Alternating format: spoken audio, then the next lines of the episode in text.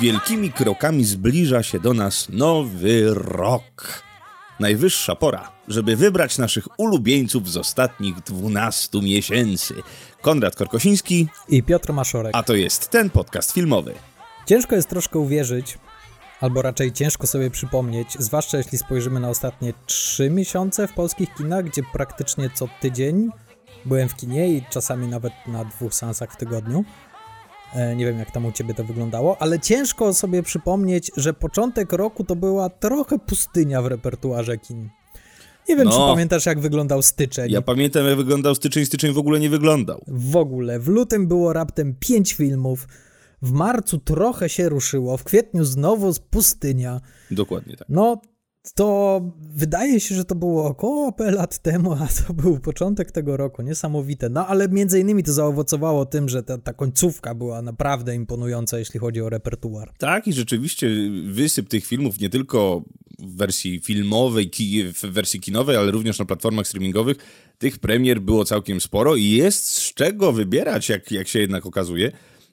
I trzeba przyznać, że dużo z tych produkcji to były produkcje bardzo jakości. Mhm, mhm.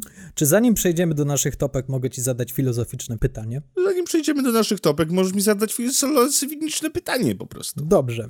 No więc moje filozoficzne... Jak ty to powiedziałeś? Jak ty to zrobiłeś? To jest niesamowite, ale z ciebie aktor. Proszę bardzo. Powtórz. I, y, powiem ci tak. y, za powtórki już trzeba zapłacić po prostu. Nie, nie ma tak. Nie ma tak. O, to już wiem, co robię źle w swoim życiu. Dobrze, y, moje filozoficzne pytanie brzmi tak. Czy zauważyłeś w roku 2021 w kinie y, takie zmiany, które odcisną swoje piętno na przyszłych latach y, kinematografii i kina? Oczywiście, że tak. Na przykład skrócone okno dystrybucyjne, od którego już będzie bardzo ciężko odejść i bardzo ciężko będzie to okno wydłużyć. Raczej to działa w jedną stronę i raczej jeżeli już skracamy, to to okno zostaje tylko lekko uchylone i już szerzej go nie otworzymy. Mhm. Ja też zauważyłem taką tendencję, zwłaszcza w końcówce tego roku. Chciałem tylko zauważyć, że Spider-Man, który premierował się tydzień temu e, w kinach na całym świecie, e, miał otwarcie em, gigantyczne, drugie najlepsze otwarcie w historii kina, zaraz za Avengersami, czy też jak mój towarzysz podcastowy mówi, Avengersami. I jest taka ciekawostka, że w ten sam weekend, kiedy premierował się Spider-Man, premierował się nowy film Guillermo del Toro i ten film, który ma bardzo imponującą obsadę, tam jest Bradley Cooper i inne bardzo znane nazwiska, między innymi także Willem Dafoe, który pojawia się w Spider-Manie. E, Ten film zarobił 1% tego, co zarobił Spider-Man. I no, jest bardzo gorąca dyskusja w chwili obecnej w świecie filmu na temat tego, dokąd zmierzamy. Quo vadis kino. Nie rokuje to najlepiej dla chociażby takiego Guillermo del Toro, zdobywcy Oscara. Nie rokuje to najlepiej dla chociażby takiego reżysera jak Steven Spielberg, którego West Side Story było klapą, było porażką finansową w kinach. E, czytałem taki ciekawy artykuł, że w chwili obecnej remake'i już straciły rację bytu. My nie chcemy remake'ów, my chcemy sequele 20 lat później. My chcemy nowych Ghostbustersów, my chcemy podsumowanie 20 lat Spidermana w kolejnym filmie. E, I my chcemy po prostu odcinać kupony, robić kontynuację i żerować na nostalgii. I jednocześnie my chcemy gigantycznych produkcji. Takich e, gargantuicznych, wielkich, franczyzowych produkcji. No nie jestem dobrej myśli, szczerze mówiąc, ale są na mojej topce takie filmy, które są takim światełkiem nadziei gdzieś tam w tym A przemyśle. powiedz, powiedz mi, jak ci się wydaje? To jest y, pandemia, to jest wpływ pandemii na to, że nie chcę tego jakoś nazywać tak mm, uogólniając, ale czy widz się uprościł, czy widz po prostu potrzebuje bardziej przystępnego materiału, który, który nie, nie, nie będzie wymagał od niego jakiejś zawiłej refleksji e, i, i używania intelektu i czy kino przechodzi do takiej czystej rozrywkowości? Myślę, że to jest połączenie tych dwóch rzeczy, ponieważ wydaje mi się, że nieco starsza publiczność poszłaby na taki film Guillermo del Toro albo Stevena Spielberga, prawda? A ta starsza publiczność przez tę pandemię została mocno wstrzymana przed kinem. E, I oni wolą być bezpieczni, i jeśli mają możliwość zobaczenia czegoś w domu, zwłaszcza, że ta starsza publiczność to często jest też publiczność, która już ma rodziny pozakładane, i taki wypad do kina to już jest skomplikowana sprawa, prawda? O czym już nieraz sobie mówiliśmy. Dokładnie jeśli tak, oni, chociaż teraz tak, tak. Jeśli oni dostali możliwość oglądania filmów w domu, no to zasmakowali bardzo dużej wygody i raczej to będzie szło w tę stronę, że jeśli faktycznie będzie jakieś gigantyczne, gigantyczne wydarzenie w kinie, no to wtedy e, raz od wielkiego dzwonu e, umyjemy samochód, założymy odświętne stroje i pójdziemy do kina. Natomiast pozostałe filmy to będą filmy skierowane do młodszej publiczności, a ta młodsza publiczność, no to wiadomo, w co idzie. Idzie w franczyzy, idzie w Marvela, idzie w superherosów, idzie w uniwersa kinowe. No, idzie przede wszystkim w to, o czym będzie mogła porozmawiać później ze swoim kolegą, koleżanką. Y, osoby, które chodzą na filmy troszkę. Nie chcę tutaj ferować e, określeniami ambitnymi, ale ale filmy, które troszkę bardziej wymagają od ciebie zmierzenia się z backstory takiego twórcy, takiej historii, niż y, takimi płatkami śniadaniowymi, Nesquikami, którym, które wszyscy znają, które wszyscy codziennie jedzą, jakim jest Marvel. Hmm, dokładnie. Y, przeczytałem takie fajne określenie, że kiedyś własność intelektualna w Hollywood była na wagę złota. W chwili obecnej jest to wartość emocjonalna.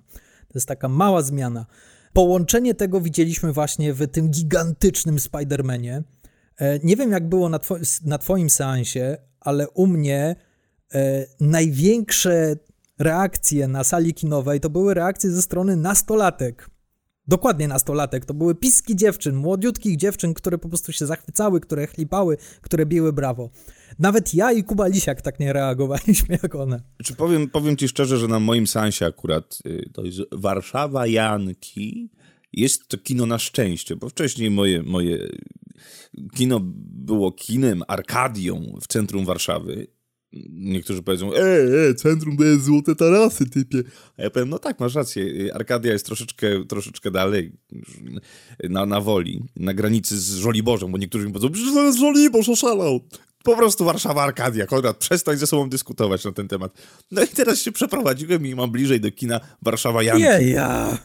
E, I w kinie Warszawa Janki największym plusem jest to, że jest zdecydowanie mniej ludzi w tym kinie prawie zawsze, kiedy tam jestem.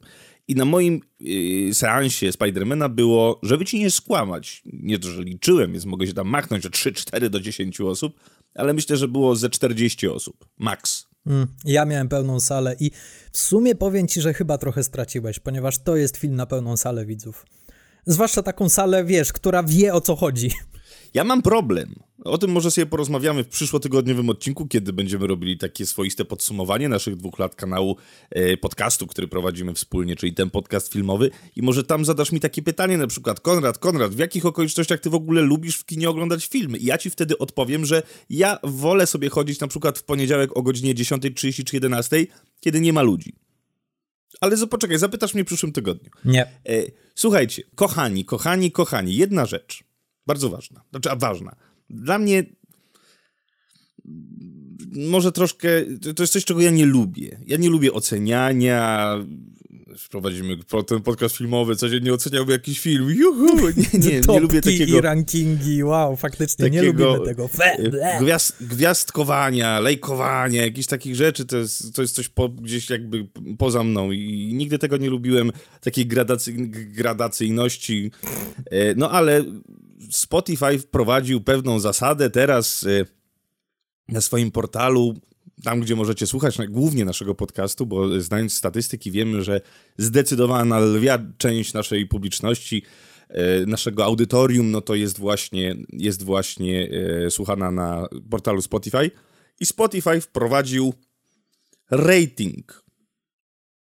Pod naszym zdjęciem, pod naszą nazwą jest gwiazdeczka. Tam jest ileś tam dziesiąt osób już nacisnęło i polajkowało i wystawiło nam ocenę równą najwyższej, czyli 5. Jest tam bardzo miło, bardzo Wam dziękujemy.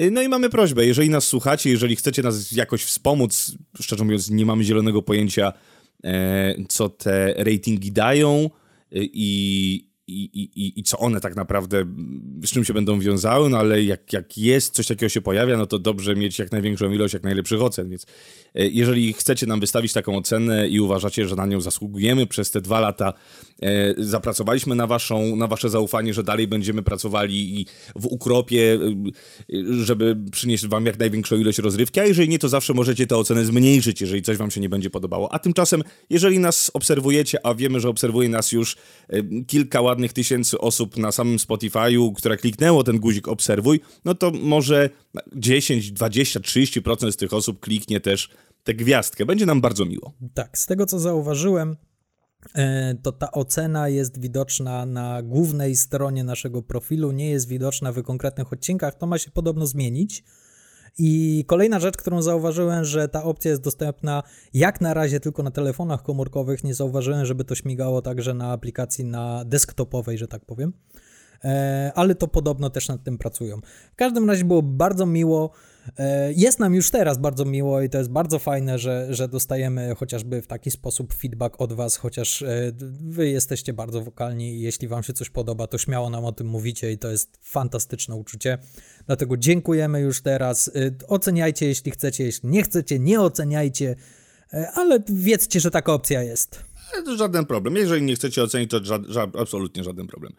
E, Słuchajcie, spotkaliśmy się tutaj dzisiaj, żeby odrobinę porozmawiać o tym roku, który mija. No i kilka tych produkcji wydarzyło się od, od, od stycznia, jak już mówiliśmy, było kilka miesięcy, które były y, wydziurowane w historii kinematografii, ale mimo wszystko kilka tych produkcji było. Wybraliśmy każdy po pięć i teraz chcielibyśmy powolutku do tego przejść. Więc może, może ja zacznę. Dobrze, tylko ja chcę jeszcze taką jedną tutaj taką gwiazdeczkę postawić przy tym, co mówimy i chciałbym Ale wyjaśnić, postaw, o co postaw chodzi. gwiazdeczkę, bardzo proszę. I od razu przypisik zrobię. Mogę? Co zrobisz? Przypisik. Przy, a, a, bardzo, przypisik, bardzo cię proszę. Mój przypisik brzmi tak. Ja wprowadzam taką swoją nową zasadę w swoich topkach nie ma nowych zasad. Właśnie chciałem wprowadzić Cicho nową bądź. zasadę, że jakby nie ma nagłych Cicho zasad. bądź, cicho trzeba bądź. tutaj... Wpr- no, To jest moja decyzja, to jest moja topka Tak. i ja podjąłem świadomą decyzję, że nie będę umieszczał tych filmów w kolejności. To jest po prostu pięć filmów, nie będę ich ustawiał od najgorszego, najlepszego do najlepszego, najlepszego, ponieważ dla mnie to jest troszkę bez sensu.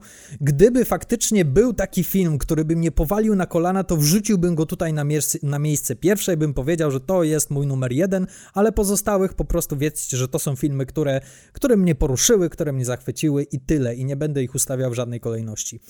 Nie mam tego numeru jeden w tym roku, chociaż kto wie, może zmienię zdanie w trakcie tego odcinka. Dobrze, rozumiem, czyli idziesz na łatwiznę, bardzo cię prężę. W takim razie ja też zabieram moje numerki, y, moje cyferki, bo cyferki Przecież, są od przecież 1 do ty 9. nie lubisz oceniać i ustawiać I właśnie dlatego ty. rzeczywiście przyznaję, w takim razie to będzie e, taki przegląd y, naszych ulubionych filmów, a nie ranking. Proszę Przecież bardzo. nie, jest taka zasada, że nie ma nowych zasad i nie wolno.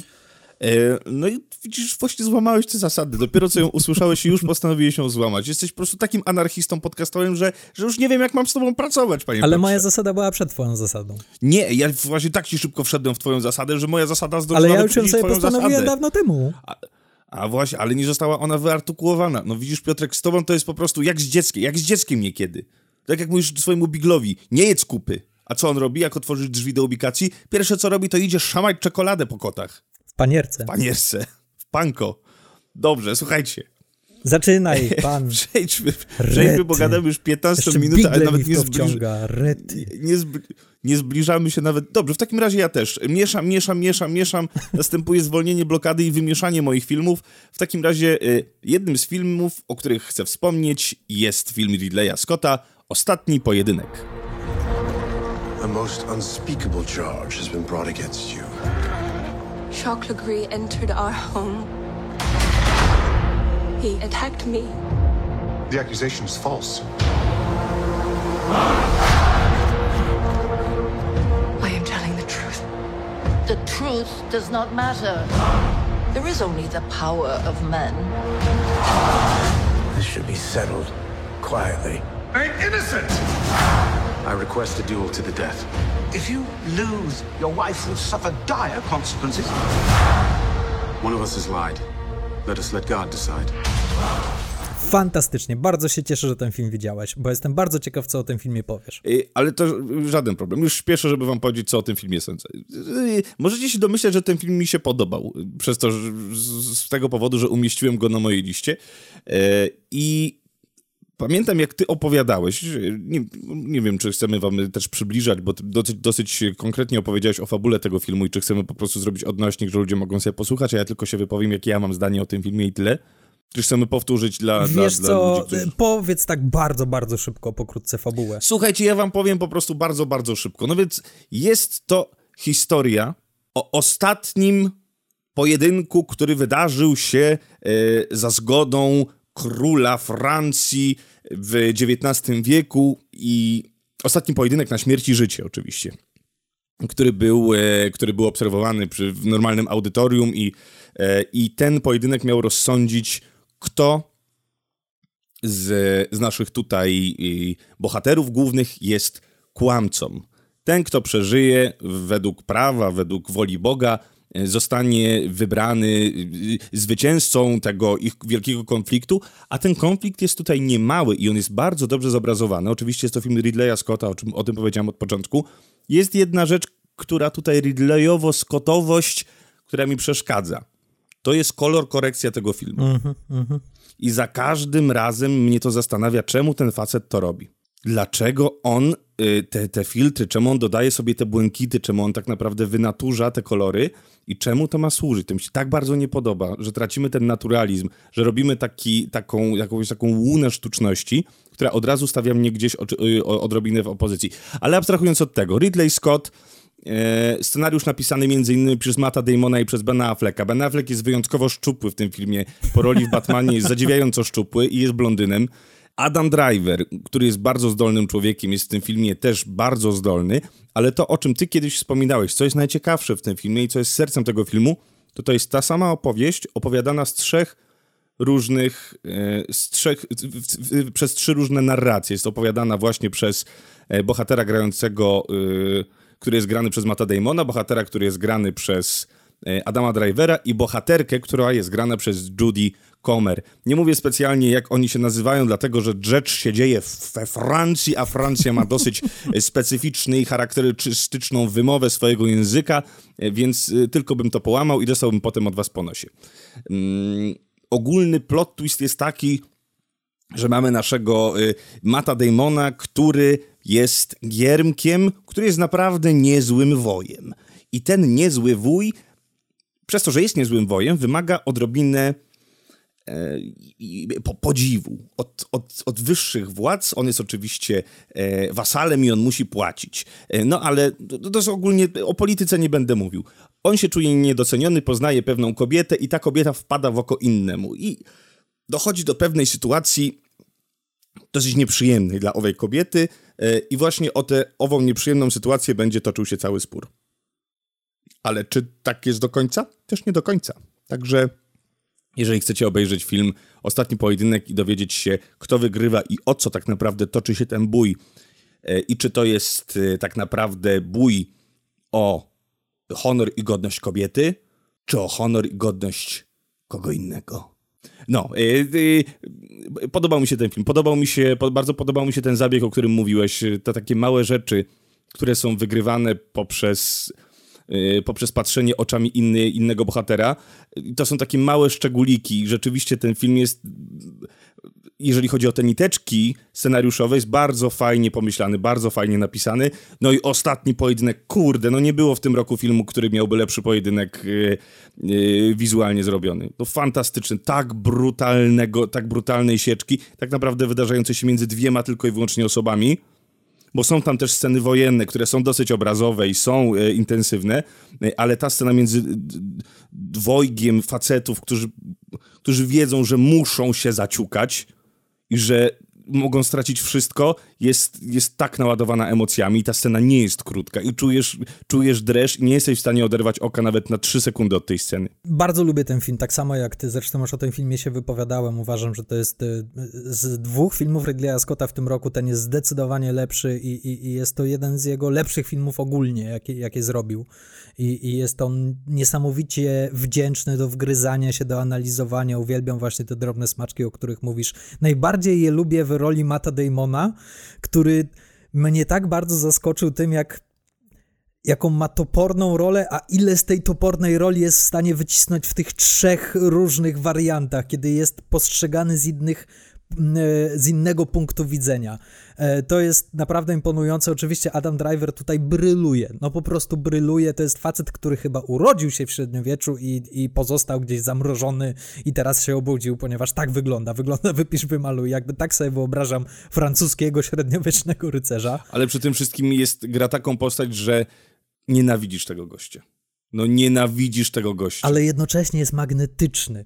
I to jest tak. wielka zasługa Adama Drivera i ogólnie taka jego cecha aktorska, że on potrafi grać niesympatyczne, odpychające postacie, które przykuwają uwagę i nie możesz oderwać od nich wzroku i są fascynujące dla ciebie jako dla widza. Jest jedna taka maleńka rzecz, która mi w tym filmie przeszkadza, jak sobie ten film powtórzyłem, a mianowicie nie podoba mi się to de definitywne stwierdzenie, że ostatnia, trzecia wersja tej historii jest, jest prawdą. Mhm. Mnie też to razi. To zdecydowanie byłby ciekawszy film, gdyby pozostaw pozostawiło coś nam y, w, w niedopowiedzeniu, no gdybyśmy tak, mogli bo, sobie bo wybrać. To jest bez, bo to jest bez sensu, bo dlaczego w takim razie oglądamy dwie pierwsze wersje? To, to jest najlepszy argument, tak, zdecydowanie. Ale zgadzam się z tobą, jest to, jest to e, świetnie zrobiony film, po prostu wypierdziany przez Ridleya Scotta, jak po prostu mrugnął i ten film się zrobił, a to wygląda jak milion dolarów, większość reżyserów potknęłoby się na najdrobniejszych elementach w tym filmie, jak chociażby te sceny bitewne, o których mówiłeś, a które po prostu w tym filmie puh, są, okej, okay, dobra, lecimy Niestety, dalej. Ja o tym mówiłem, ty mówiłeś zanim była premiera drugiego filmu w tym samym roku. Mówiłeś, nie, co ty, nie będzie tak źle, nie będzie tak źle. E, I moim zdaniem największą yy, przykrością dla tego filmu, która się wydarzyła w tym roku, to jest to, że w tym roku też wyszedł Dom Gucci. Hmm. I to temu filmowi zabiera 80% jego możliwości, które by miał, gdyby wypremierował się jako jedyny film Ridleya Scotta po kilku latach e, absencji od kina Ridleya Scotta, gdyby tylko ten film wyszedł, to byłby to ogromny hit. Nie wiem, co, czy słyszałeś wypowiedź y, Ridleya a propos tego, dlaczego ten film był takim fiaskiem w kinach? Y, słyszałem, tak, tak. On miał tutaj chyba pretensje do młodych. Tak, do młodych, do tych, y, za przeproszeniem, przepraszam, to jest cytat, pieprzonych milenialców i ich telefonów. Mhm. W następnym tygodniu powiedział, że filmy Marvela to jest gówno. Też cytat, to nie jest mój bluzk. E, czyli z jednej strony podziwiam tą jego taką, wiesz, nonszalancję, ale w sumie on już może. On już naprawdę może. Jeśli no tak, jest w stanie tak. zrobić dwa tak wielkie filmy, już tam abstrahując od tego, czy bardziej, czy mniej udane. Czy się podoba, czy się nie podoba, tak. to nie ma znaczenia. No, trzeba przyznać, że to są dwa ogromne ogromne filmy z ogromnym budżetem. Tak. E, czy ten film jest u ciebie na liście, to też musimy sobie od razu mówić, bo nie mamy gradacji tutaj nic, więc y, jak się pojawi, to, to dajemy znać i wtedy mamy jeden film mniej. Także panie Piotrze, proszę bardzo. Nie, nie, nie ma u ciebie. Nie ma go u mnie na mojej liście. Bardzo ten film lubię y, i bardzo go wszystkim polecam. Bardzo się cieszę, że tego wrzuciłeś do siebie. No to proszę o twój film w takim razie teraz. No dobrze, proszę bardzo, nie ma problemu. No, zapraszam cię serdecznie do podzielenia się z naszymi słuchaczami filmem, który przygotowałeś dla nas jeden z wielu. Okej, okay, dobrze. W takim razie przejdę do do filmu, który wydaje się być całkiem oczywisty dla naszych słuchaczy, ponieważ jeśli słuchaliście nas regularnie, y, to już się nad tym filmem obaj rozpływaliśmy, a mianowicie mówię tutaj o filmie Tick Tick Boom w reżyserii Lina Manuela Mirandy z Andrew Garfieldem w roli głównej. Hello. Hi. Welcome. I'm Jonathan Larson. I am 29 years old. I work at the Moondance Diner. Check. One sec. Do we take reservations? No, we do not take. We're we're a diner. I have an original rock musical. Hey, boy genius. That I have spent the last eight years of my life writing. He's getting out. You're gonna be rich and famous. And rewriting. Did you crack it yet? Oh, I'm getting so close. And rewriting. Can I hear it? Any day now. Eight years! And the time keeps ticking. You need to ask, are you letting yourself be led by fear or by love? Fear! A a hundred percent fear! Tak jest. Chcę tylko powiedzieć, że u mnie też ten film y, jest. A Szok. jako, że nie mamy miejsc, to, y, to po prostu jest. Nie powiem wam na którym miejscu, ale, ale jest dosyć wysoko. No, no. em, to jest y, zmiana na ostatnią chwilę, ponieważ przyznam się szczerze, że ten film wykopał z mojej listy film Palm, Sp- Palm Springs, o którym też bardzo dawno temu opowiadałem. Ale ja też miałem na mojej liście Palm Springs, ale Palm Springs był wypremierowany w 2020 roku. Naprawdę? W kinach było u Tak. nas chyba w 2021. Ale my nie patrzyłem przez to, gdzie, jak Okej. u nas w Polsce jest premiera. A, widzę, że ktoś tutaj jakieś nowe zasady wprowadza. Nie, to jest zasada od zawsze. Od zawsze! Od zawsze. Uwielbiam, jak Konrad mówi, przecież to od zawsze! Pre premiera US. Okej, dobrze. Dlatego też nie ma filmu na przykład The Father, który miał premierę w styczniu O, rety. y, 2020 w Stanach Zjednoczonych. Okej, dobrze. Dobra, już dobra. Nie będę się kłócił z twoimi od zawsze zasadami. Y, Palm Springs nie ma, chociaż długo się nad tym zastanawiałem, ale stwierdziłem, hej, słuchajcie, to był rok musicali. Naprawdę takie zatrzęsienie produkcji musicalowych, jakie mieliśmy w zeszłym roku, znaczy w tym roku, to było, to było coś niespotykanego. Ja przynajmniej nie pamiętam drugiego takiego roku w kinie. I musiałem tutaj oddać hołd temu gatunkowi i wybrałem, według mnie, teraz już to mogę powiedzieć z czystym sumieniem, ponieważ wszystkie te muzykale tegoroczne widziałem, wybrałem z czystym sumieniem Tick Tick Boom z powodów, o których już trochę sobie porozmawialiśmy. Przede wszystkim dlatego, że jest, że jest to dla mnie dosyć osobisty film. Ja się widzę na tym ekranie, ja się totalnie utożsamiam z głównym bohaterem, fenomenalnie zagranym przez Andrew Garfielda, który tą końcówkę 2021 roku ma genialną. Nie dość, że zagrał w Tick Tick Boom jedną ze swoich najlepszych ról, to jeszcze to jeszcze jest na ustach wszystkich, czy on jest w Spider-Manie, czy też go nie ma w Spider-Manie. Ale co, bo mówisz tutaj o... A, a taki Adam Driver, no zobacz, jaki on miał rok. Nie dość, że zagrał u Ridleya Scotta w dwóch ogromnych filmach, dwie ogromne role. Zagrał jeszcze w, w filmie Aneta. Oczywiście, tylko Adam Driver, on ma równie pochyłą, wzrastającą, że tak powiem, od ładnych kilku lat. I on jakby konsekwentnie rządzi z roku na rok coraz bardziej. Natomiast Andrew Garfield, który zaczął naprawdę bardzo głośno y, w Social Network i tam jeszcze było y, Nie opuszczaj mnie, jakoś gdzieś się pogubił. Znaczy gdzieś, nie to, że on się pogubił, gdzieś go Hollywood zgubiło. I bardzo się cieszę, że, wró- że wraca teraz, pod koniec tego roku, z takim impetem. I ja szczerze mówiąc, jeśli Garfield nie będzie nominowany do Oscarów, wiem, że nagrody nie mają znaczenia, ale cholera jasna, zasługuje za rolę w tym filmie. Zasługuje. Po prostu zasługuje. Jest, jest przewzruszający. Jest to jedna z najbardziej wzruszających ról, jakie widziałem w tym roku w kinie. Wliczając w to The Father. Sprzed, no tak, tylko że to sprzed roku. Przestaniesz? E, tak, tak. Ja, ja, ja to wszystko sprawdziłem. U mnie też było Palm Springs, byłoby The Father i wszystko, ale musiałem się tych filmów pozbyć i tam mi serce złamało, no ale trzeba tak było zrobić, więc tak zrobiłem. E, no to Tick Tick Boom, tak, tak. To jest film, to jest film o marzeniach. To jest film o, o dążeniu do tych marzeń za wszelką cenę. A, aż taką cenę, że, że, że, że, że jesteśmy w stanie poświęcić mm, nawet miłość swojego życia. To, to jest tak, wydaje się to taką sztampą że to, to najłatwiejszy scenariusz, jaki można wymyślić, tylko że ten scenariusz jest oparty na faktach. Yy, Taka osoba istniała. Jonathan Larson istniał, tworzył. Do dzisiaj jego spuścizną są nie, do, nie tylko musicale, które wszyscy dobrze znacie, osoby, no, wszyscy, wszyscy, którzy interesujecie się musicalem, na pewno słyszeliście o takim małym, skromnym musicalu, który nazywa się Rent. Ale mało tego. Jonathan Larson zostawił po sobie też taką spuściznę, że jego rodzice wypuścili y, w świat tak- taką fundację, która nazywa się Fundacja Jonathana Larsona, która rozdaje pieniądze osobom, które zaczynają w świecie Broadwayu, które jeszcze nie potrafią się w tym odnaleźć, jeszcze nie do końca wiedzą co i jak. I taką osobą, która była beneficjentem takiej nagrody, był sam Lin-Manuel Miranda chociażby.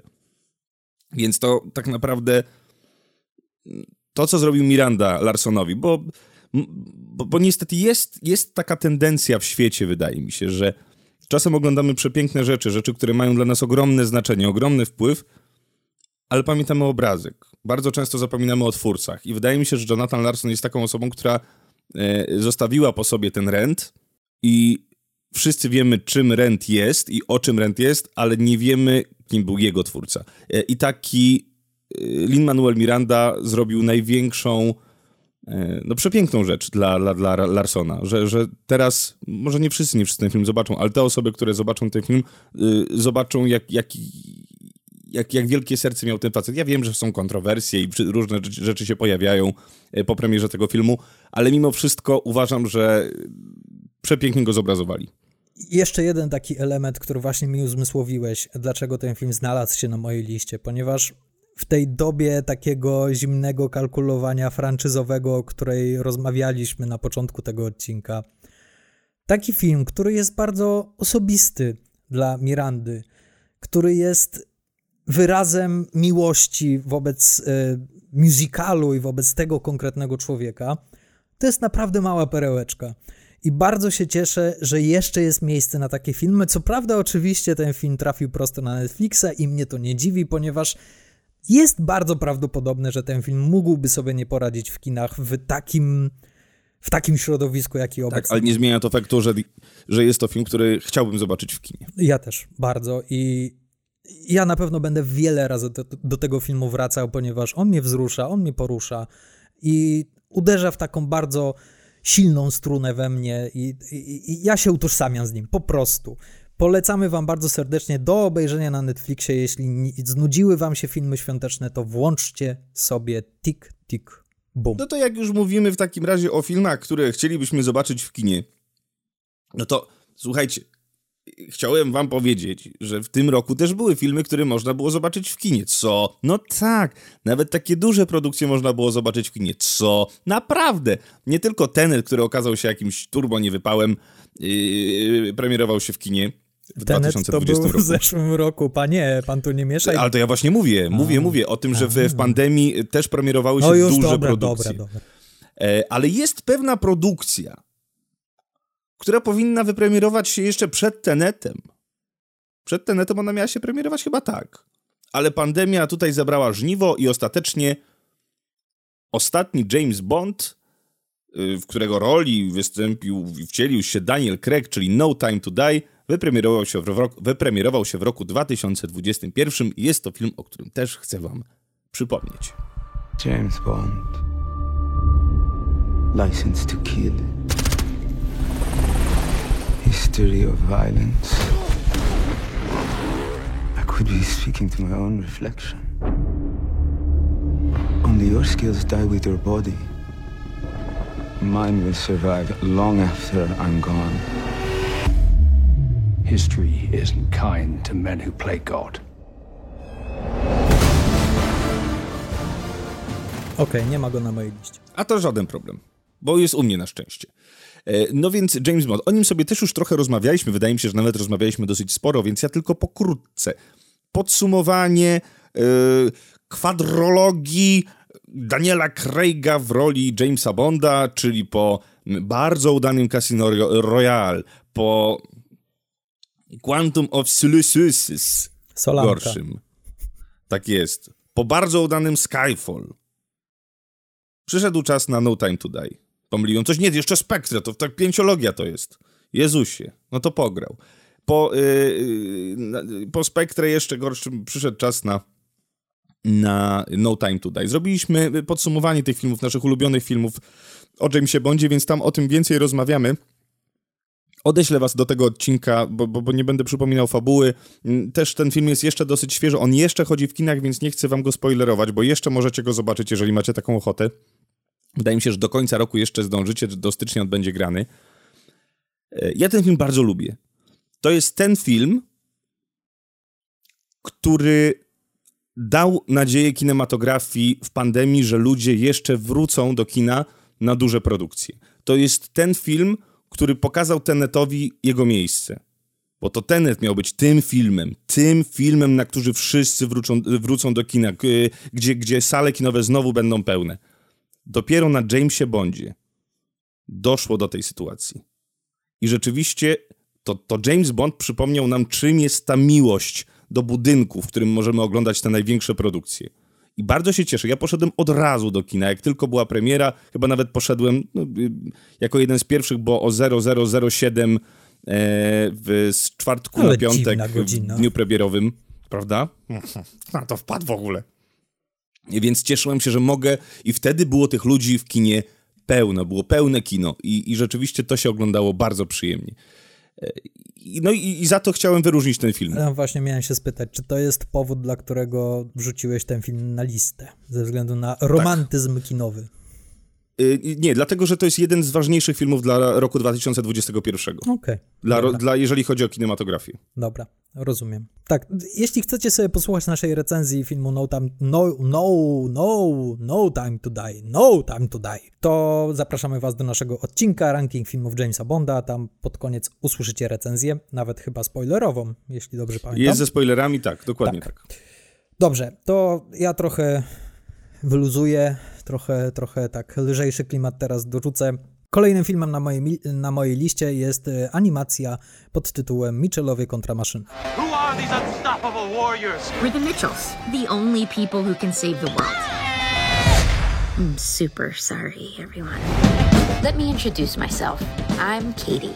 I'm sort of a weirdo. My parents haven't figured me out yet. To be fair, it took me a while to figure myself out. My brother, also weird, Hi, would you like to talk to me about dinosaurs? No. Okay, thank you. and my mom. Katie face cupcakes. All of us, really. How about we put our phones down and we can make 10 seconds of unobstructed family eye contact? Starting now. See, this is good right here. This is natural. Czekam na twoją reakcję. Ja, nie widziałem. Nie widziałeś, Rety. Nie, nie, nie widziałem. Ech, dobrze.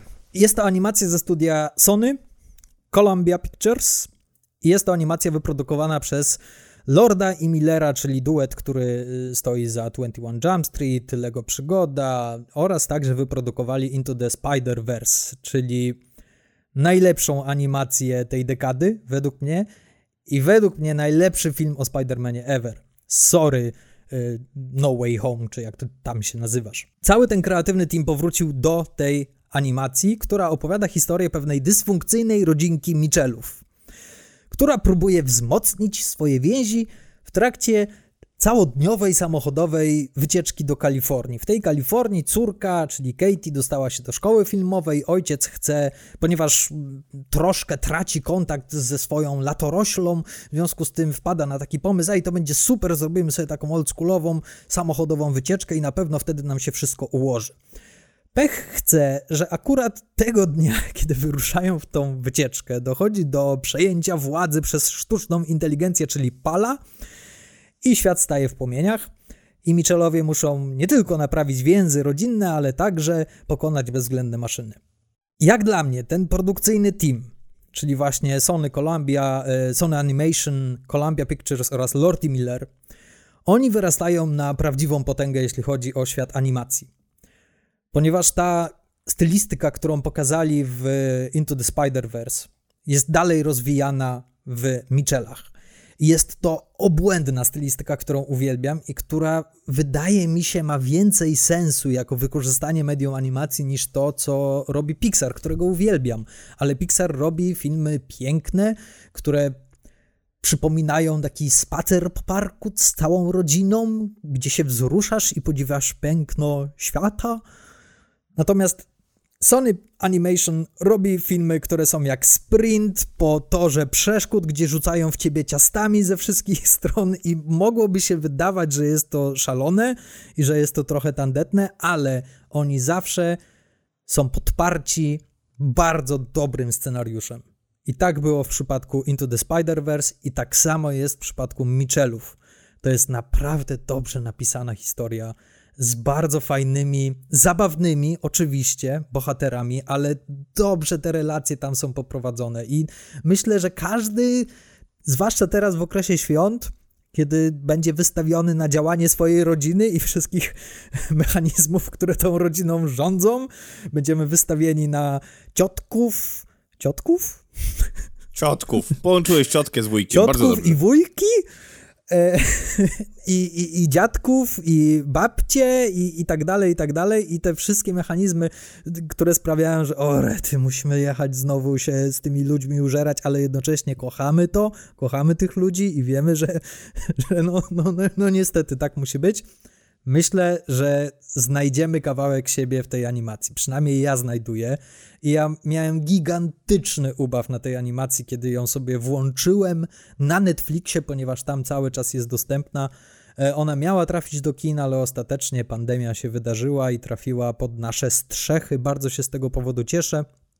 Polecam wam to serdecznie, ponieważ to jest no, no fajerwerki wyobraźni, jeśli chodzi o animację.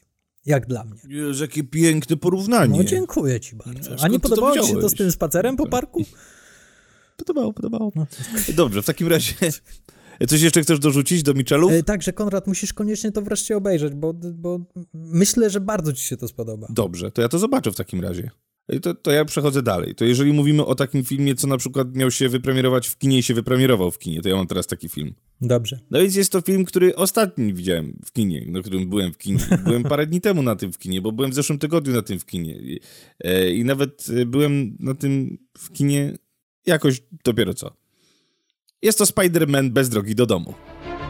When you botched that spell where you wanted everyone to forget the Peter Parker Spider-Man.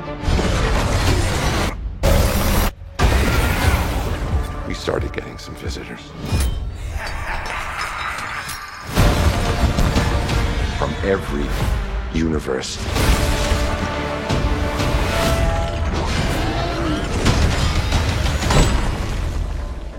Hello, Peter. Nie ma go u mnie na mojej liście. Nic nie szkodzi. Ja wiem. Słuchajcie. No Ridley Scott by się uchachał, jakby się dowiedział, że na liście mojej jest i Spider-Man i... By cię wyzwał od gówniarzy z komórkami.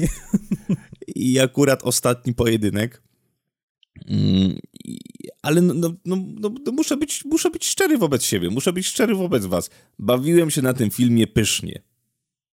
Nic wam nie powiem. Nic wam nie powiem, bo to, to jest w ogóle dla mnie niebotyczna sprawa że ten film tak udało się utrzymać w tajemnicy.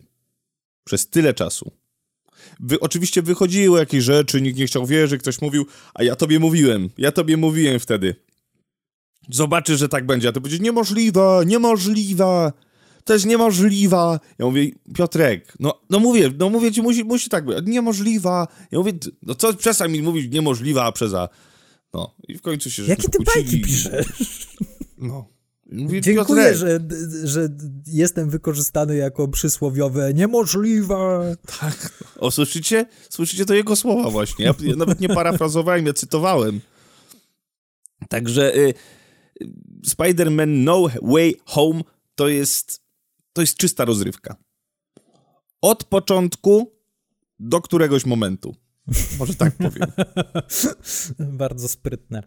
Ja dosyć długo się zastanawiałem, czy by tego nie wrzucić, ale wybrałem inny film. Ale zgadzam się z tobą, że jest to cholernie rozrywkowy film i cholernie przyjemny i cholernie zabawny. I nawet wzruszający. Tak. Jeżeli się zastanawiacie, czy jest jakiś film, który jest bardziej rozrywkowy od, jeżeli chodzi o studio Marvel, no to no tak, można powiedzieć, że, że, że, że rzeczy typu y, Strażnicy Galaktyki, wszystko, coś, co jest pisane pod poczucie humoru, e, gdzieś może można porównywać, ale nie, to jest, doszło do, do, do pewnego, do, już, do jakiejś takiej sytuacji dojrzałości tego studia w podejmowaniu tych decyzji, jak rozrywkowy ma być ten film, w którą stronę ta rozrywkowość ma iść. E, i, i to, że mamy tutaj Toma Hollanda, który no on był strzałem w dziesiątkę, jeżeli chodzi o wybranie Spidermana. To, to jest chłopak, który jest tak bardzo lekki w tym i ma, ma, ma, ma w sobie tyle wdzięku i, i tyle frajdy i, i osoby, które napotyka na swojej drodze w tym filmie bardzo fajnie tutaj pryzmatyzują z, z, z, z tym naszym głównym bohaterem. E, I mówię tutaj i o antagonistach, jak i o protagonistach. I, I, fajnie. No nic wam nie powiem, bo to jest świeżynka mm, w kinie i e, no, nie wybaczylibyście mnie, gdybym wam coś powiedział, więc idźcie do kina. Jeżeli macie ochotę na takie świąteczne kino, jeszcze nie mówię, że świąteczny film, nie mówię, że świąteczny film, ale świąteczne no dobra, powiem inaczej, żebyśmy lepiej zrozumieli. E, jeżeli macie ochotę na w klimacie świątecznym wyjście do kina, bo są święta, okres świąt, ale macie ochotę iść do kina, idźcie na Spidermana, będziecie się bardzo dobrze bawić. Ale za chwilę wchodzi Matrix. Tak, tylko domyślam się, że Matrix to nie będzie film przeznaczony i dla babci, i dla mamy, i dla taty, i dla córci, i dla wnusia, i dla wszystkich. A takim filmem jest Spider-Man. Dokładnie tak. Oczywiście, jeśli chcecie dowiedzieć się co troszkę więcej na temat tego, co sądzimy o tym filmie, to posłuchajcie nas w styczniu, kiedy zrobimy nasz odcinek podsumowujący. On nie pojawi się w pierwszym tygodniu stycznia, czyli już domyślam się, że wtedy będzie bezpiecznie zrobić spoilerowy odcinek. Nie, nie, no przecież spokojnie, no do Spidermana jeszcze przyjdzie czas. Orety, nie, nie, nie, nie, nie. Oczywiście, że nie, tak. Nie, Jeżeli chcecie posłuchać nie, naszego odcinka o Spidermanie, musicie poczekać, myślę, że około roku. Półtora Wtedy roku, dojdziemy co najmniej. spokojnie, może półtora roku. Wtedy dojdziemy sobie spokojnie naszym tempem w, w życiu, naszej w życiu. Nie, ja Infinity będę ja zaraz zacznę o tym do... rozmawiać, zaraz zacznę sypać spoilerami, jak się nie wycofasz z tej decyzji. Przejdźmy do twojego kolejnego filmu w takim razie. Nie zgadzam się na to. Nie, nie zgadzam się na to, żebyśmy o jednej z największych premier 2021 roku opowiadali za półtora roku. Sorry. Nie. Dobrze, zrobimy pokrótce takie podsumowanie. Po, pokrótce, a to, to sobie pokrótku. Ja tam będę nawijał przez dwie godziny o tym filmie. To ja w takim razie przejdę do filmu, który y, wyparł Spidermana z mojej listy. Spider-Man, tak jak już o tym sobie pogadaliśmy na początku tego odcinka, jest gigantem. To jest Goliat. Ja na swoje któreś tam miejsce, którego nie ma na mojej liście, ponieważ ja nie układam, ja nie układam tych filmów w kolejności, wrzucam Dawida. A mianowicie mały kanadyjski horror science fiction fantasy napisany i wyreżyserowany przez Stevena Konstańskiego, niedystrybuowany przez Sony, niedystrybuowany przez Marvela, w Polsce dystrybuowany przez taką małą, skromną firmę dystrybucyjną o nazwie Velvet Spoon. I jest to film... Reklama. Oczywiście, ja będę im robił reklamę, gdzie tylko mogę. E, Jest to film Psycho Goreman. Przybył z odległej galaktyki, by zetrzeć ludzkość z powierzchni Ziemi. Nie spodziewał się, że będzie musiał słuchać rozkazów małej dziewczynki.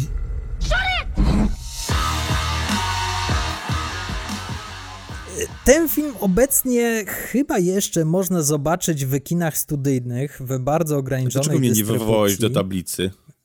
A propos czego? Na propos y, tego filmu. Nie masz, nie, nie, nie ciekawi cię, jakie mam zdanie na ten Konrad, temat? czy byłeś na Psychogoremanie w kinie? Nie byłem. No widzisz, bo ty tam chyba w tych swoich okolicach podwarszawskich nie masz jakichś kin studyjnych, prawda? Oj, mam tutaj od groma, no co ty? Okej, nie mówię o twoim pokoju. A, to nie mam. No właśnie.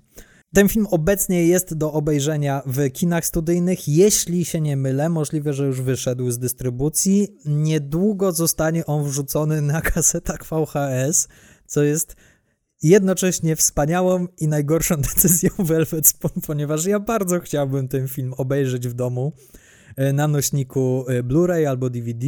No a niestety magnetowidu już nie mam i nie mogę, nie mogę sobie tego filmu sprawić na własność. Chociaż kto wie, może się skuszę, jeśli akurat znajdzie mnie taki kaprys. O czym opowiada Psychogoreman? Dwójka dzieciaków odnajduje zakopanego w swoim ogródku starożytnego potwora z kosmosu. Ten okazuje się pragnie jedynie krwi i zagłady całej naszej planety. No ale pech chciał, że magiczny amulet, który stanowi źródło jego mocy, dostaje się w ręce młodszej i tej wredniejszej z rodzeństwa, czyli Mimi. I tym samym potwór, ochrzczony przez dzieci właśnie Psychogoreman, w skrócie PG, staje się ochroniarzem, przyjacielem, kąpanem w grach i zabawach i kiedy trzeba, zmienia ich wrogów w krwawą papkę. W dużym skrócie jest to połączenie E.T. z Power Rangersami, z horrorami gore. Ja miałem dosyć nietypową styczność z tym filmem, ponieważ po raz pierwszy oglądałem go w domu, u siebie, na telewizorze i od razu śpieszę wyjaśnić, nie, nie piraciłem, dostałem kopię od dystrybutora, ponieważ robiłem do tego filmu zwiastun. I ten zwiastun też jest dla mnie ważny, ponieważ y, to był drugi i niestety już ostatni raz, kiedy mogłem robić zwiastun pod głos wybitnego Tomasza Knapika. Zwiastun możecie sobie zobaczyć na YouTubie. Czyli pierwszy raz oglądałem w domu. I szczerze mówiąc, podobał mi się, ale jakoś mnie nie powalił. Ale później obejrzałem ten film na Oktopusie, na festiwalu filmowym, który odbywa się co roku w Gdańsku, na sali kinowej pełnej nerdów i fanów kina klasy B, kina gatunkowego. No i to był jeden z najwspanialszych seansów, jakie miałem w tym roku w kinie. Nawet chyba przebił Spidermana, ponieważ reakcje publiczności, wiwaty, oklaski, szczery śmiech, niczym nieskrępowany, to było coś wspaniałego i ja wtedy zrozumiałem, na czym polega siła tego filmu. To jest bardzo skromny, bardzo mały filmik. Filmik klasy B, może nawet klasy Z, ale który ma serce na swoim miejscu, na właściwym miejscu.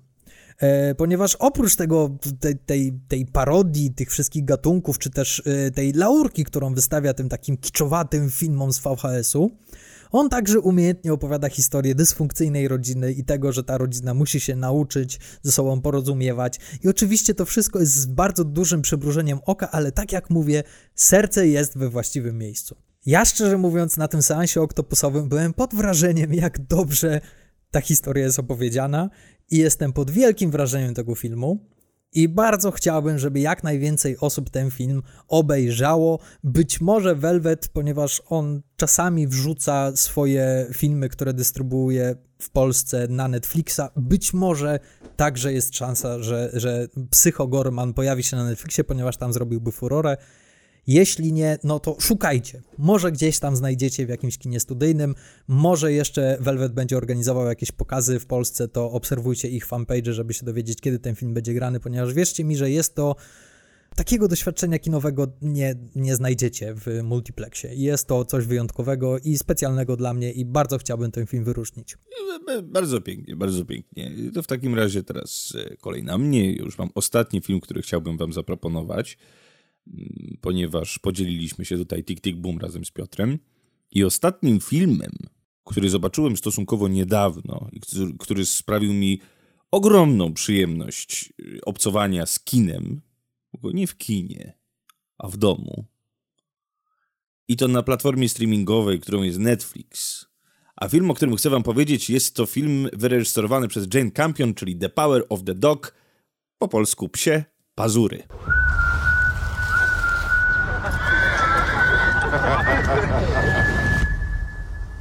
It's just a man. Only another man.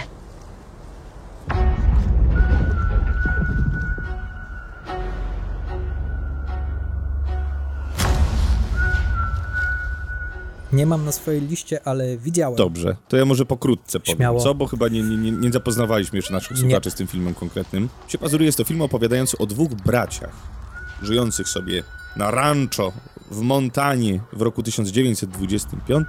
Są oni odpowiedzialni za prowadzenie całego rancha, które zostało im przekazane po...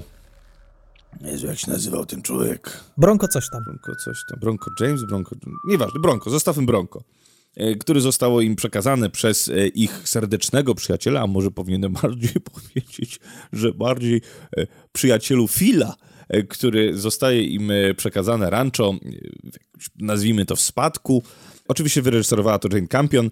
To, to jest ten rodzaj filmu, który ja bardzo lubię bardzo lubię, bo ten opis, który wam powiedziałem, czyli rzecz się dzieje na rancho, tam jest dwóch braci, jeden jest, y, dwa totalnie kompletne różne charaktery. Y, Phil, który jest grany przez Benedicta Cumberbatcha, jest takim typowym, twardym facetem. Y, na pierwszy rzut oka widzimy, że jest takim homofobicznym twardzielem, który ma tylko i wyłącznie męskie rzeczy go interesują. On cały, cały dzień spędza na koniu, on śmierdzi, on się nie kąpie, on jest, on jest takim schematycznym po prostu samcem alfa, który, który prowadzi dużą firmę, w tym wypadku jest to rancho, e, więc trzeba być twardym facetem. Za to jego brat jest jego totalną opozycją. Grane tutaj przez e, e, Fata Damona, e, albo ewentualnie przez Mefa Damona, różnie mówią. E, w rzeczywistości ten aktor nazywa się Jesse Plemons i gra jego brata. To jest niesamowite, jaką Jesse Plemons robi karierę. Zaraz do tego przejdziemy. E, ale e, Jesse Plemons gra, gra y, absolutną odwrotność. Gra, też gra ranchera, ale gra ranchera o ciepłym sercu. Widzimy, że jest dobrym człowiekiem. Widzimy, że ma zupełnie inne spojrzenie na świat. I ten oto właśnie brat, gra, grany przez Fata Damona, zakochuje się w Rose, granej przez Kirsten Dunst co nie jest na rękę wcale jego, jego bratu y, Philowi, dlatego że y, Rose prowadzi pewną knajpkę, gotuje, jej brat Peter pomaga y, w przygotowywaniu posiłków, w roznoszeniu posiłków. Dlaczego mówię Peter, Peter, Peter? Bo ten Peter jest bardzo istotną rolą dla fabuły, zaraz do tego przejdziemy ten nasz Fat Damon w końcu zakochuje się w Rose i przynosi ją do domu jako swoją żonę, co jest bardzo nie na rękę Philowi. On nienawidzi tej sytuacji, nienawidzi Rose, nienawidzi jej brata, jest, jest obrzydzony całą sytuacją. Widzimy, widzimy, widzimy, że narasta w nim ta nienawiść, widzimy, że potrzeba wyśmiewania się z Petera. Peter jest, jest chłopakiem o dosyć takiej wątłej, delikatnej budowie, on jest chudziutki, jest wysoki, jest bardzo delikatny. E, widzimy, widzimy w nim nie chcę tutaj źle zabrzmieć, ale że on jest bardzo... Zniewieściały. No to, to, jest taka rola, no on, to, on tak gra, on jest, on jest zniewieściały po prostu, tak. I to w tym takim męskim świecie od razu zostaje zauważone, to jest chłopak, który bardzo lubi robić sztuczne kwiaty, którymi przystraja stroje, e, który e, jeżeli już podaje obiady, to musi mieć idealnie założoną e, ścierkę na ręce, bo, bo takie szczegóły mają dla niego znaczenie. A w tym męskim świecie jest brud, smród i, i nic nie jest potrzebne. Jednak w tym okresie obcowania z tą dodatkową, dodatkowym elementem, którym jest ta rodzina założona przez Fata Damona, ta skorupa naszego Phila Berbanka, czyli Benedicta Cumberbatcha, zaczyna pod pewnymi okolicznościami pękać. No i tak naprawdę o tym jest ten film. Abstrahuję, ja, ja już tutaj w tym filmie abstrahuję od tego, e, co gra Jesse Plemons, e, co gra Kirsten Dunst, jakieś problemy alkoholowe. To są jakieś rzeczy, które są które są elementami pobocznymi. Nawet po, pojawia się tam, słuchajcie, Thomasin McKenzie, wam powiem. I poznałem ją wyłącznie po głosie, jak tam coś zapiszczała z tyłu. E, I jest to relacja, znaczy postać, którą buduje Benedict Cumberbatch, jest dla mnie niebywała.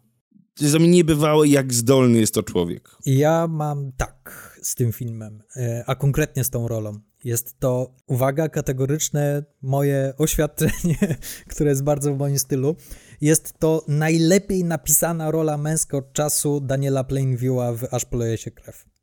Jest to tak, tak, złożona, skomplikowana, trudna do zagrania postać. Mój problem z tym filmem polega na tym, że Benedict Cumberbatch to nie jest Daniel Day-Lewis. I on. Nie jest, ale on, on nie gra. On, on bardzo dobrze tę rolę zagrał. Bardzo dobrze. Mnie coś w nim nie pasowało. Mnie, chociaż z drugiej strony, jak sobie później zacząłem analizować ten film, ponieważ warto powiedzieć, że jest to film wielokrotnego użytku. To jest film, do którego trzeba wrócić. I trzeba przyjrzeć się uważniej i bliżej, i z każdym kolejnym seansem wyłapujesz nowe rzeczy które mają bardzo duże znaczenie dla fabuły i ja uwielbiam takie filmy i dlatego ten film też bardzo sobie wysoko cenię. Jest to trochę za zimny emocjonalnie film dla mnie, pomimo tego, iż emocje kipią w nim. Tam, tam jest takie napięcie, ta, te chmury burzowe wiszą cały czas na horyzoncie, ale to nigdy nie eksploduje, nigdy nie ma tego grzmotu i to jest niesamowite napięcie, ale mimo wszystko ja i także ze względu na tematykę to mnie zaskoczyło, ja poczułem się troszkę wypchnięty emocjonalnie z tego filmu, chociaż przyznam, że długo się zastanawiałem, czy by go nie wrzucić, ponieważ to jest tak piekielnie zmyślna konstrukcja filmowa, jaką Jane Campion tutaj zaproponowała i tak rewelacyjnie napisana rzecz. Tak, dokładnie tak. Ze wszystkim się zgadzam i to jest właśnie ten rodzaj kina, który ja uwielbiam. To jest, to jest dla mnie kino najwyższej próby. Właśnie to, że nigdzie się nie śpieszysz, nic nie musisz. To jest dla mnie kolejne aż poleje się krew. Oczywiście nie w takim stopniu, bo aż poleje się krew to jest aż poleje się krew i to jest dzieło geniuszu. Psie pazury są bliskie i właśnie to, co, co mówisz o tej konstrukcji postaci, o tym, jak konsekwentnie jest zbudowana ta bo oczywiście jesteśmy wszystko w stanie wyczytać ostatecznie z tej postaci. Wiemy, jaka była relacja z tym Bronco Henrym, e, albo możemy się tego domyślać. E, wiemy, jaką, jaką rolę pełni Peter, jak kończy się film. Wiemy, wiemy, co się dzieje, wiemy, co się wydarza. I to jest przepięknie pomyślany film, przepięknie. O, o, formacie wilka w owczej skórze i tego typu. Wiesz, to jest, jest, można tu znaleźć tyle analogii i jakichś takich różnych rzeczy. Fantastyczne. No, fantastyczne. To, to jest o męskości, to jest o roli faceta, e, jaką faceci sobie sami przypisują i e, jak już znasz to zakończenie, zacząłem o tym mówić wcześniej a propos Cumberbatcha, jak już znasz e, clue do tej postaci, to obsadzenie Cumberbatcha ma sens, ma bardzo duży sens, ponieważ to jest facet, który z jednej strony jest. Y, on jest trochę taki nieokreślony. Gdzieś tam taka jego. Ta męskość Cumberbatcha jest w tych rolach kwestionowana, w wielu, zwłaszcza w Sherlocku, tak? Gdzie tak naprawdę widzimy faceta, faceta, ale mimo wszystko sporo osób się zastanawiało, czy, czy on gra geja, czy tam jest jakaś homoseksualność w jego relacji z, z Watsonem, czy coś takiego. Nie mówię, że to w tym serialu jest, ale przy Cumberbatchu krąży jakaś taka takie niedopowiedzenie tej męskości i pod tym względem wydaje mi się, że jego obsadzenie było strzałem w dziesiątkę. Nie do końca mi się podoba to, co on robi na tym ekranie, ale jeśli miałbym się zachwycać nad jakąś rolą aktorską, to zachwycałbym się nad Kirsten Dunst, która zrobiła bardzo trudną rzecz, i zrobiła to bezbłędnie, według mnie. Zagrała alkoholiczkę, która powoli popada w obłęd. To stopniowe staczanie się tej bohaterki jest dla mnie czymś fenomenalnym w tym filmie. Zresztą to, to jest rola, którą już nam pokazała kiedyś w Melancholii, co według mnie jest jej najlepszą rolą i tutaj znowu możemy zobaczyć tą taką brudną, yy, taką nieokrzesaną Kirsten Dunst, nie tą słodziutką blondyneczkę ze Spider-Mana czy z komedii romantycznych, tylko taką kobietę którą trudno sprecyzować i którą trudno wbić w jakieś, w jakieś ramy. Y, ale zgadzam się z Tobą całkowicie, że jest to film, który, który jest wart zobaczenia. Zresztą domyślam się, że sporo osób w sezonie Oscarowym będzie ten film oglądało, ponieważ y, wydaje mi się, że jest to jeden z pewniaków, jeśli chodzi o Oscarowy wyścig, zarówno za rolę Cumberbatcha, jak i dla Jane Campion za reżyserię, jak i za film, jak i za scenariusz. Tam jest dużo dobrego. Tak, także jeżeli chcecie być przed wszystkimi, bo na razie ten film jeszcze, no oczywiście teraz, jeżeli ktoś się interesuje sezonem nagród, to ten sezon gdzieś tam już powoli rusza. Wiemy, że e, złote, nominacje do Złotych Globów zostały ogłoszone. Nie, informowali, nie informowaliśmy was o tym, e, nie informowaliśmy was o tym, ponieważ Złote Globy Złotymi Globami, raczej w tym roku nie będziemy się jakoś im bardzo przyglądać, skupimy się na Oscarach. Znaczy, możemy teraz poświęcić tyle uwagi, na ile Złote Globy zasługują. Już. Dziękuję, lecimy dalej. Okay. E, i, więc jeżeli na pewno psie pazury będą znaczącym, znaczącym e, elementem na gali Oscarowej, więc warto się z tym filmem zapoznać, tym bardziej, że macie go w domu w jakości 4K, możecie go w każdym momencie odpalić i warto to zrobić. Warto to zrobić, dlatego że jak będziecie mieli trochę czasu, bo ten film nie jest długi i nie jest łatwy, więc dobrze sobie zaplanować czas na taki seans. Tak, ale to też jest dobrze, że on się pojawił na Netflixie, ponieważ on był dostępny u nas w kinach w ograniczonej dystrybucji, e, ale dobrze, że on jest na Netflixie, ponieważ to jest taki film, który wymaga skupienia, wymaga e, twojej uwagi i jest taki bardzo, wiesz, osobisty, że on nawiązuje osobistą relację z tobą, jak go oglądasz. No dobrze, słuchajcie, jeżeli chodzi o mnie, no to by mój kufer z filmami właśnie opustoszał, więc y, panie Piotrze, no to chyba tobie jeszcze jeden film został. Czy to znaczy, że mogę teraz rozmawiać o dwóch filmach? Jak dwóch? Dwa ci zostały? Zostały mi dwa. No to możesz o dwóch w takim razie. Albo wolałbym, że o jednym, ale jak masz dwa, to mów Idź o dwóch. sobie zrób kubek Naraz. kawy.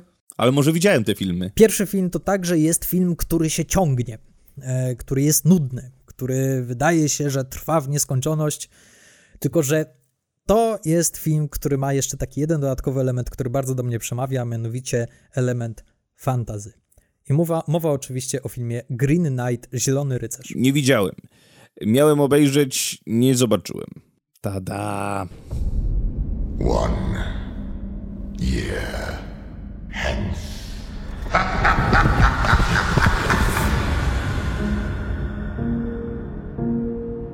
Another year nearly gone already. You must seek him out. Was it not just a game? Perhaps. But it is not complete. You'll find no mercy. No happy end. Why do you stop me? Your doom is at hand. Green Knight jest to dramat fantazy. On jest oparty na legendzie arturiańskiej i wyreżyserował ten film David Lowry. Czy widziałeś Ghost Story Davida Lowry'ego? Słynny film, w którym Rooney Mara je ciasto. Wiem, y, nie widziałem. Mam za to to na DVD albo na Blu-ray. Obejrzyj go sobie, chociaż niekoniecznie jako przygotowanie do Green Knighta, ponieważ to jest zupełnie inny film. To jest bardzo niezależny, y, skromniutki, mały film e, filozoficzny. Green Knight też ma trochę tej filozofii w sobie, ale jest zdecydowanie większy, jeśli chodzi o rozmach. O czym opowiada Zielony Rycerz? Otóż w Wigilię na dworze króla Artura pojawia się tajemniczy, tytułowy Zielony Rycerz i rzuca rycerzom okrągłego stołu i wszystkim zebranym takie wyzwanie. Który śmiałek odważy się zadać mu cios? Otrzyma jego topór, cześć i chwałę, ale za rok uda się do zielonej kaplicy rycerza, aby ten oddał mu tym samym ciosem. I wyzwania podejmuje się młody Gawen, czy tam Gawen, Goan, Garn, siostrzeniec króla Artura, który no, tam nie pierniczy się w tańcu i ucina rycerzowi głowę. Bardzo mądrze. Co się okazuje? Zielony rycerz się tym nie przejmuje, podnosi głowę, wsiada z powrotem na konia i żegna się złowieszczym za rok. No i pytanie, czy młody, nieopierzony dzieciak sprosta wyzwaniu i pojedzie na śmierć tak naprawdę? Po pierwsze, ten film jest magiczny. Atmosferę tego filmu mógłbyś jeść łyżkami, ona jest namacalna. To jest niesamowicie wykreowane na ekranie i tym bardziej niesamowite, jeśli spojrzysz na budżet. 15 milionów dolarów, to jest pikuś, to są grosze. I każdy cent z tej sumy został wykorzystany na ekranie i to widać. To wygląda obłędnie. Po drugie, tak jak już wspomniałem, jest to jeden z tych takich wspaniałych, nudnych, ciągnących się filmów, do których chcesz wracać wielokrotnie, bo pomimo tego, że to, to jest prosta przypowieść o, o, o dorastaniu, o byciu godnym tytułu rycerza i tak dalej, ale jest opowiedziana w sposób, który zostawia ci sporo do interpretacji i dłubania i do analizowania. Możesz też iść na skróty i po seansie obejrzeć sobie analizę na YouTubie, ale też możesz po prostu wracać do tego filmu co jakiś czas i będziesz nagradzany nowymi informacjami, które wyłapiesz.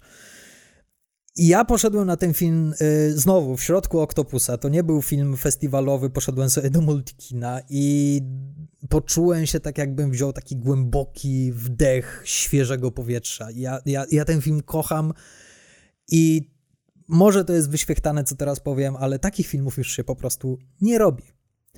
Nie jest to film dla każdego, podkreślam. To nie jest Marvel i nie mówię tego jako przytyk, Konrad. Po prostu ten film wymaga skupienia i uważności, ale jednocześnie daje ci taką przestrzeń do tego, żeby sobie e, pomedytować, tak to nazwijmy, i pobyć w tym świecie przede wszystkim. No, dla mnie to jest czysta magia ekranowa. I ostatni film, o którym chciałbym powiedzieć, czyli e, zdecydowanie największy film na mojej liście. I pewnie domyślasz się, co to Duna, jest. Duna, nie widziałem cały Duna. czas. Dokładnie tak. An animal caught in a trap will gnaw off its own leg to escape. What will you do? I know you.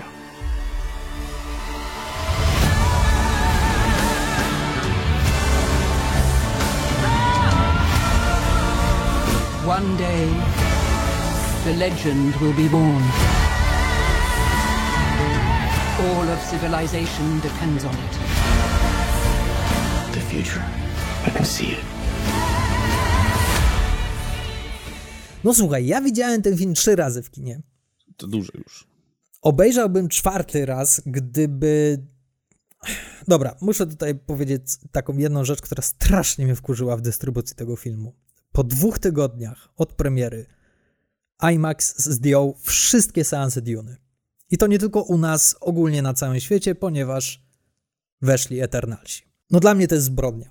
Całe szczęście IMAX poszedł po rozum do głowy i jakiś miesiąc temu chyba wypuścił Dune jeszcze raz do swoich kin, ale niestety tylko na jeden seans i on był u nas przynajmniej o jakiejś takiej dzikiej godzinie, czyli o godzinie 14. No i niestety to mi się bardzo nie złożyło z moją pracą. Ale gdyby się złożyło, to bym poszedł po raz czwarty.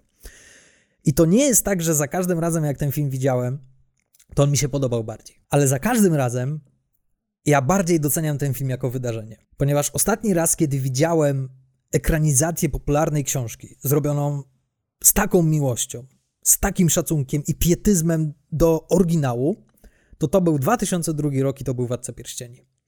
Tutaj widzę bardzo podobne elementy. Widzę dbałość o każdy szczegół na tym ekranie. Widać rozmach, widać, że to było stawiane na realizm w tym, że kręcili to w realu, pojechali na tą pustynię, że wybudowali te dekoracje i pomagali sobie green screenem czy tam CGI wtedy, kiedy już nie było innego wyjścia. No wiadomo, czerwie jak się pojawiałem, no to nie będą kręcili robaków.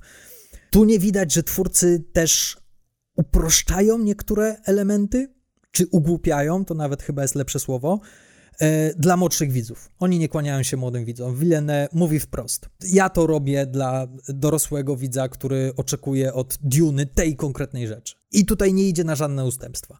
I nawet ta rzecz, która mi się na początku nie podobała i przeszkadzała, czyli że to jest pierwsza część z dwóch. A wtedy jeszcze, kiedy to oglądałem po raz pierwszy, nie było pewne, że druga część powstanie. Nawet tutaj zmieniłem zdanie, ponieważ w chwili obecnej my żyjemy w takim, w takim świecie filmowym, że kontynuacje już są zaplanowane na 5 lat do przodu. I, i, i to jest po prostu taśmowo.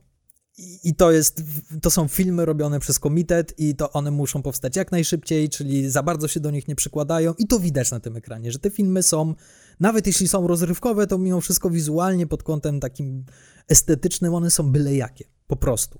W Dune tego nie zobaczysz. W Dune widzisz, że Villeneuve nie śpieszył się, że zrobił najlepszy film, jaki był w stanie zrobić, że oddał hołd książce Herberta. Jest to epickie, jest to wymagające i niegłupie, jest to wielkie widowisko w starym stylu. I dla mnie to jest po prostu światełko na końcu tunelu, ponieważ dla mnie to jest nadzieja. Nadzieja na to, że jednak jest jeszcze miejsce na takie filmy i że nie wszystko musi być wielką franczyzą zrobioną od szablonu i na, na którą Ridley Scott mówi, że to jest gówno. Być może mógłby być na pierwszym miejscu, ale jeszcze, jeszcze nie wiem. Na pewno będę do tego filmu wracał. Nie, nie ma miejsc, nie ma miejsc. Nie ma miejsc. Nie ma miejsc. Czyli co, to są wszystkie filmy, które, które zapro, za, za, za, przynieśliśmy tutaj dzisiaj ze sobą. Tak jest. To jest nasze top 2021. No to słuchajcie, kochani, no to tyle na dzisiaj. Kochani, słyszymy się w Anno Domini 2022. Dziękujemy Wam bardzo za rok 2021. Dziękujemy, że byliście z nami. Dziękujemy, że tak wielu z Was y, w ogóle się tutaj pojawiło w 2021 roku i, zasili, i zasililiście szeregi mm, słuchaczy tego podcastu filmowego. Z dnia na dzień jest Was coraz więcej. Bardzo Wam za to dziękujemy i y, tylko dla Was chcemy się dalej rozwijać dalej tworzyć, dalej oglądać filmy to też dla siebie, e, ale jak najbardziej chcemy się z wami, chcemy się z wami tym, tym dzielić. I no i co? No, nie zamierzamy przestawać. Jeżeli ktoś, kogoś to w ogóle ciekawi, to, to nie zamierzamy przestawać. Będziemy dalej to robili z miłością do kinematografii. E, no i do was, do naszych słuchaczy. No i dziękujemy naszym patronom, bo w tym roku założyliśmy Patronite'a. E, mamy tam kilkanaście osób, które nas dziarsko wspierają, więc bardzo Wam dziękujemy za to, że jesteście. Jeżeli ktoś chce dołączyć, zapraszamy. Również będzie nam bardzo miło e, i zapraszamy do naszej rady programowej, abyście dowiadywali się wcześniej o tym, co planujemy e, na najbliższy czas i żebyście też mieli parę słów i rzeczy do powiedzenia, które chcielibyście, żeby się w tym podcaście pojawiły. Mało tego, jeżeli ktoś chce nam zadać jakieś pytanie, i chciałby uzyskać odpowiedź już wkrótce, bo za tydzień to zadawajcie te pytania szalenie. Nie za... Tak, za tydzień, dobrze mówię. Jeżeli macie jakiekolwiek pytanie, to pod tymi postami nawet wrzucimy dodatkowe posty, z, które będą się nazywały pytania, pytania. I wtedy, jeżeli nawet będziecie mieli pytanie, a ty, w ogóle, Piotrek, Piotrek, Maszor, Maszor, jaki masz numer buta? Nigdy tego nie niebywale powiem. niskiego Nigdy człowieka. Tego nie powiem. E, Nigdy. I, i, ja wam powiem, jaki Piotr ma numer buta. Widzicie, jaki to będzie ciekawy odcinek? To będzie fenomenalny odcinek. Dowiecie się takich pikantnych szczególików z naszego życia. A będzie to wyjątkowy odcinek, ponieważ to będzie setka, prawda? To będzie To będzie setny odcinek. Setka. To będzie setny odcinek. Dlatego możecie nam zadać każde pytanie i na każde pytanie uzyskacie odpowiedź. Jeżeli chcecie wiedzieć, e, oczywiście w granicach rozsądku, jeżeli chcecie na przykład wiedzieć, czy, czy Konrad lubi e, białe światło, czy światło ciepłe, zimne czy ciepłe światło, to ja wam na to będę żeby wam odpowiedzieć. To jest ta rzecz, nad którą się zastanawiam, odkąd cię poznałem, Konrad. Już za tydzień będziesz mógł uzyskać odpowiedź, tylko zadaj właściwe Błagam, pytanie. Błagam, niech ktoś zada mu to pytanie. Dobra, ja założę fake konto i ci zadam to pytanie, bo ja chcę wiedzieć. Także słuchajcie, na Instagramie, na Facebooku możecie nam zadawać pytania, również możecie wysyłać do nas wiadomości prywatne na Instagramie i Facebooku. Y, na każde pytanie postaramy się odpowiedzieć. Jeszcze raz wielkie dzięki, że z nami jesteście już tyle czasu. Niektórzy z nami są od początku, za co wam bardzo dziękujemy. A już za tydzień setny odcinek tego podcastu filmowego. A tymczasem bawcie się dobrze na Sylwestra i widzimy się za rok. Przy, a, widzimy się w przyszłym roku, haha. Tak jest. Także do usłyszenia, trzymajcie się, cześć, wszystkiego najlepszego w nowym roku.